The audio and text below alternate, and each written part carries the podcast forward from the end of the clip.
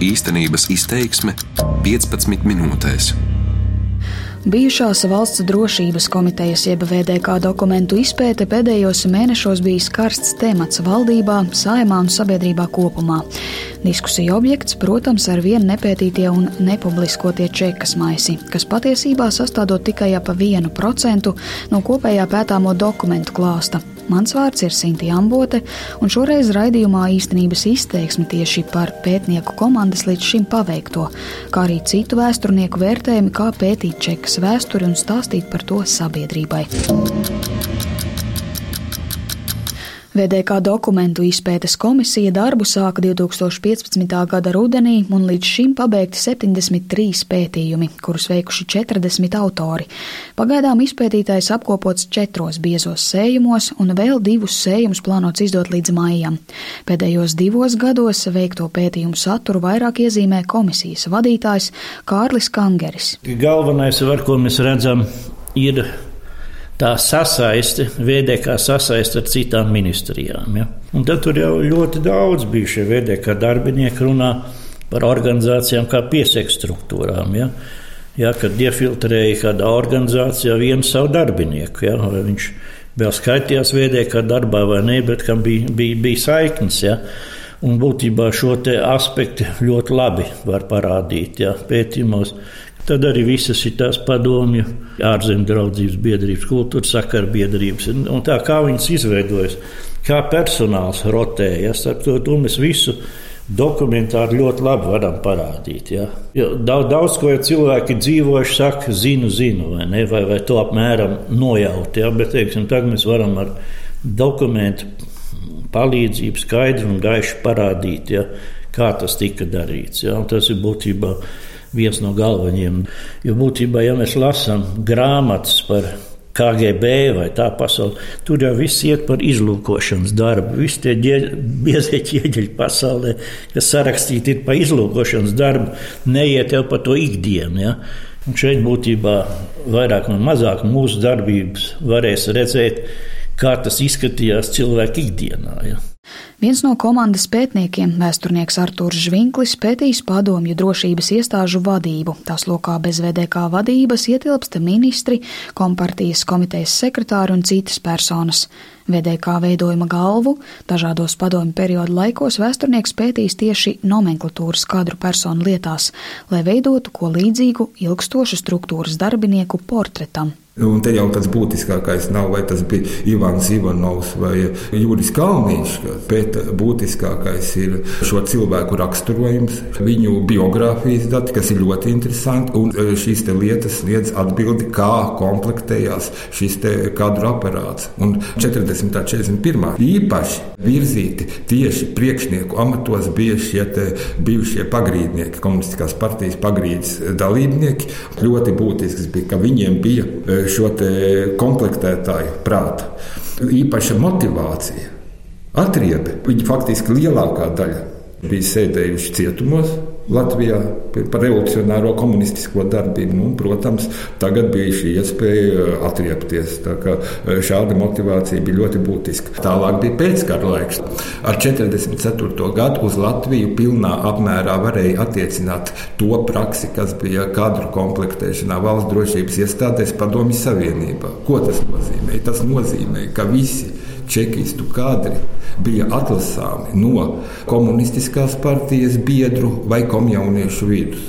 Krietna daļa no šiem 70, 80 gadu darbiniekiem, nu, kas mūs interesē, varbūt visvairāk, jo šis laiks ir mums vistuvāks, bija savu darbību sākuši valsts drošības iestādēs jau vēl Staļina laikā. Tieši tas ir vēl viens moments. Mēs e, bieži vien e, mālējam e, melnās krāsās visu čekistu, tātad noziedznieks. Pie šī motivācijas vajag saprast vienu lietu, kad tie paši 50. gados ar komjaunatnes rekomendācijām uz valsts drošības ministrijas skolām nosūtītie jaunieši faktiski ir diezgan noziedzīgi manipulāciju upuri. Jo vienkārši var redzēt šos biroja lēmumus, tie ir skolu beidzēji. Parasti to vidusskolu, tehnikumu beidzēji, kuriem nogriezts jebkāda cita izglītības vai profesionālās pilnveidas ceļš, bet viņi lūk tiek rekomendēti darbam valsts drošības ministrijas iestādēs.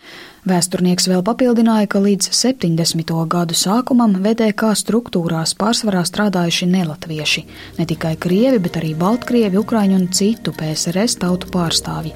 Latvieši čekistu kadros veidoja pārsvaru tikai pēc 70. gadiem. Vēl viena no daudzajām tēmām, kas līdz šim jau pētīta, ir padomju valsts drošības institūcija attiecības ar baznīcu.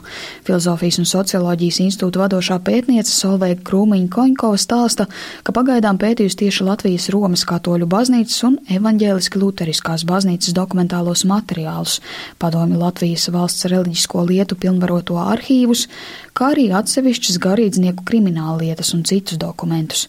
Pētniece norāda, ka baznīca padomju varai bijis svarīgs svarīgs manipulācijas instruments, tiesa gan attiecības mainījušās dažādos padomju laika posmos, un arī mūsdienu sabiedrībā bieži meklētā atbilde, kādēļ ļaudis toreiz sadarbojās, nav un nebūs atrodama vienā motivācijā. Tas, kas notiek ar cilvēku, kad viņš tiek apcietināts un pratināts eh, stūrmājā, ja, tas ir jāvērtē pilnīgi savādāk. Manā skatījumā jāvērtē pilnīgi savādāk, un es pieļauju, ka man var nepiekrist. Ja kā, kā teiksim, situācija, kad ir 80. gadi, pieņemsim 80. gadu sākums, ja, un eh, kādam piedāvā sadarboties tāpēc, lai, eh, lai viņa, viņš nokļūtu kalpot labākā draudzē. Bet ņemiet vērā, ka tajā brīdī lielākā daļa jau nedomāja par to, ka būs 90. gadi un situācija mainīsies. Tie bija jauni, jauni garīdznieki vai tie, kas, teiksim, vēl vēl, vēl mācījās, ja, un viņiem piedāvāja šo iespēju. À, sadarbojies, nu, pastāst, kas notiek, teiksim, tur tavā mācību iestādē, ja, un tev būs iespēja kalpot labā draudzē. Labā draudzē, labā draudzē tas ir liela draudze Rīgā, pieņemsim, ja. Bija cilvēki, kuriem šī motīvi, nu, Viņi, viņi izvēlējās par labu. Jā, uh, jā man ir bijuši, bijusi viena intervija ar, ar tādu mm, studentu, bijušo studentu, kuram, kur, kur tieši tādu izvēli arī piedāvāja. Un kurš atteicās? Jo kaut, pēc kaut kādiem kritērijiem viņš bija iepaticies, ja, un viņš redzēja vienīgo iespēju aiziet. Ja. Nevienmēr, protams, bija Mm, tik, tik vienkārši izvēle. Man stāstīja viens cilvēks, ka viņam mm, izvēle bija eh, vai nu eh, kļūt par ziņotāju, vai arī nokļūt eh, uz pieciem gadiem Ziemeļu jūras flotē dienēt. Jā. Nu, kas arī, nu, jāsaka, nu, ir ļoti sarežģīta izvēle. Jā, viņš izvēlējās jā, sadarboties, jā, bet Viņš ir pilnīgi pārliecināts, ka viņš neko sliktu nav darījis. Jā. Nevienu nav nodevis, un, un aiz katra šī cilvēka ir savu, savu stāstu, savu izvēli. Jā, un neviens jau, protams, tik ļoti negrib visu to atcerēties un, un, un, un publiski runāt par to. Ir cilvēki, kuriem es esmu prasījis, kuri vienkārši pasaka, es neko uh, neatceros, un, un tas ir tāds ļoti mīļš teikums. Es neko neatceros. Pētniece arī intervējusi vairākus iesaistītos cilvēkus par čekas atmiņām, un šie ļaudis pārsvarā lūguši pētījumā neminēt viņu vārdus. Koņkava gan norāda, ka vēl viens apjomīgs pieejamais materiāla fonds ir garīdznieku ārzemju braucienu atskaites drošības struktūrām 70. un 80. gados. Nu, nebija tā, ka tur te, teiksim, bija tāda masveida braukšana uz ārzemēm. Jo bija vairākas tādas starptautiskas organizācijas, un, un uz šo organizāciju sēdēm brauca vien un tie paši cilvēki. Ja.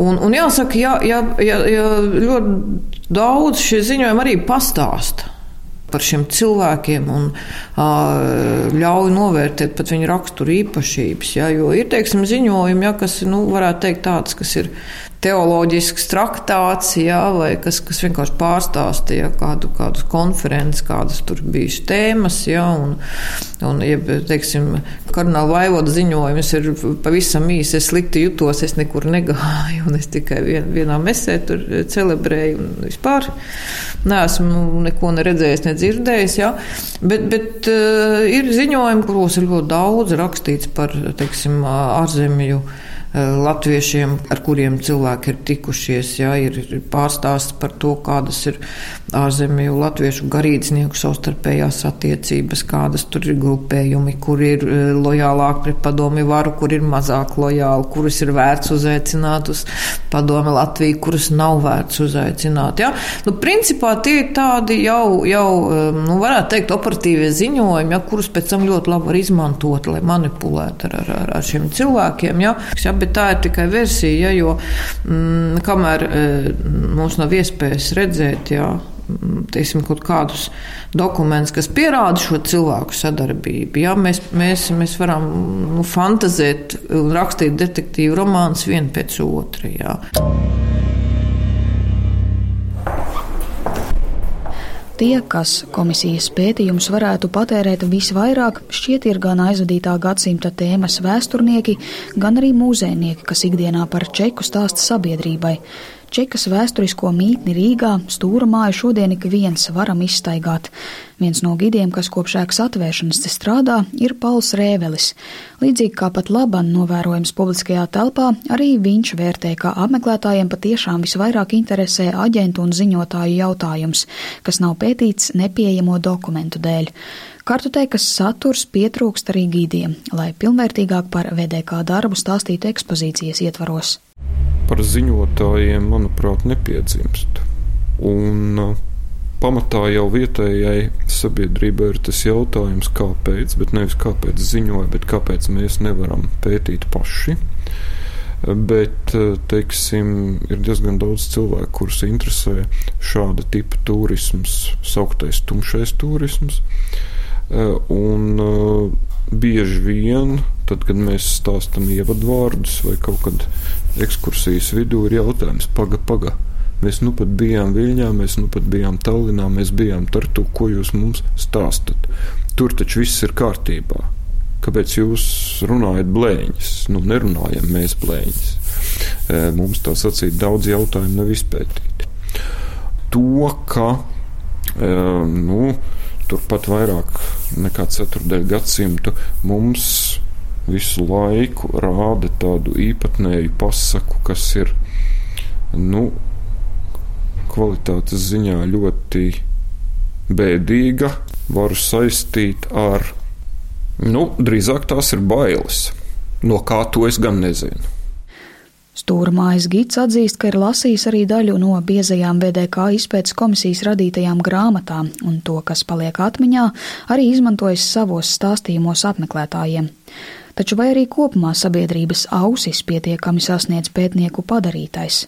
Viens no aizvadītā gadsimta vēsturniekiem, Kaspars Zellis, VDK dokumentu pētnieku komisijā nav strādājis. No malas viņš vērtē, ka jebkurā gadījumā pētniecība šajā jomā ir pozitīva un dod atspērienu arī citiem. Četros sējumos bijusi gan jauna informācija, gan arī vienkārši aprakstoši pētījumi. Vēsturnieks pārliecināts, ka Čekas izpētes komisijas darbam ir jābūt, bet šajos divos gados tā ir zaudējusi pētniecisko jēgu vēstures telpā. Iemesls tam gan kolēģi ieskatā nav pašu pētnieku neizdarība. Manuprāt, tā negatīvā īpašība ir tas, ka tomēr tas ir politisks projekts. Komisijai, ja nu, viņai jāpild ir kaut kāds politiskais šis pasūtījums, ja, un, diemžēl, politiķi, manuprāt, arī neizprot, kāds, kādam īsti šim pasūtījumam būtu jābūt. Ja. Un šajā gadījumā, nu, tur ir tās problēmas. Tas ir tāds, man liekas, ko mēs varam vērot pēdējo vismaz gadu laikā, ja tāds pingpongs ja, starp politiķiem, komisijā un citām valsts institūcijām. Un tas, protams, neveicina pētniecību, ja tas veicina vairāk, es domāju, kaut kādu skaļu arziotāžu. Bieži vien nu, bez kaut kāda pamata un jēgas, nekā, nekā, nekā normālu izpētes darbu. Atbildot uz jautājumu par sabiedrības izglītošanu, Zēlis arī papildina, ka vairāk ir jādomā par politisko vēsturi, jeb šo pētījumu popularizēšanu vienkāršā un saprotamā veidā, ko visveiksmīgāk var darīt ar kultūras produktiem, izstādēm un arī sabiedriskām debatēm, jo Latvijas sabiedrība par vēsturi diskutē maz. Un mēģināt to pagātni izprast jā, par to, kāda viņa bija, un nevis censties nosodīt tos cilvēkus, jā, jo Nu, te jāatcerās kaut vai tas slavenais Česlavs Milošs. Tas eh, teiciens, jā, nu, ka mums nav tiesības, jā, atrodoties brīvībā, tiesāt tos, kas dzīvo nebrīvībā. Jā, un vēl viena lieta, jā, kas man var būt. Um, liek uzdot jautājumus, ja tas ir varbūt pārlieku liela arī šī vēstures fragmentēšana ka varbūt būtu jāsāk no tā otra gala, jāsāk no augšas skatīties, ja, kā, kā šie mehānismi bija. Un uh, šai pašā laikā es noteikti gribētu atzīmēt, ka nu, nedrīkst ignorēt arī tos sociālos faktorus. Arī okupācijas muzeja vēsturnieks Rihards Petersons norāda, ka komisijas pētniekiem uzticas. Vaicāja vēsturniekam, vai tieši šie pētījumi ir vēstures telpā pieprasīts saturs, uz ko viņš atbild, ka vairāk akadēmiskā vidē, taču īpaši pozitīvi, ka grāmatas ikvienam pieejamas elektroniski. Vienlaikus Petersons sacīja, ka nu jau sabiedrībai vērtīgāks pētījums būtu tieši par iemesliem, kāpēc jau neatkarīgā Latvijā pētniecība tik ilgi atlikta. Un 25 eh, gadus mēs muļājamies, un eh, es domāju, ka no sabiedriskas politiskās vēstures viedokļa uh, ir svarīgāk izdarīt secinājumus par šiem 25 gadiem, lai saprastu, uh, kas ir bijuši tie cilvēki un kādi ir bijuši tie mehānismi, kas nav ļāvuši šo darbu darīt. Jo gal galā mēs zinām, gan Igaunija, Lietuvieši un Vācieši un visi citi Austrum Eiropas bloka valstu uh, pētnieki ir varējuši izdarīt daudz vairāk nekā tas ir noticis Latvijā. Un tur nu es saredzu ļoti tiešu arī apdraudējumu faktiski neatkarīgai Latvijai gan visā iepriekšējā periodā, gan faktiski arī uz nākotni. Jo tas nu ir tas eh, tiešais rezultāts eh, bijušai valsts drošības komitejas un tās aģentūras darbībai, par ko es esmu gandrīz pārliecināts, ka viņi nekur tālu nav arī no šodienas politikas. Vai jums ir kaut kāda hipotēze, kāpēc tā ir, kāpēc mums ne, un, un citur tas eh, ir virzies uz priekšu, gan pētniecība, gan publiskošana, vai, vai arī tas ir pētīšanas jautājums, kā jūs teicāt, vai tomēr ir eh, prātā kaut kāds secinājums, kāpēc tā?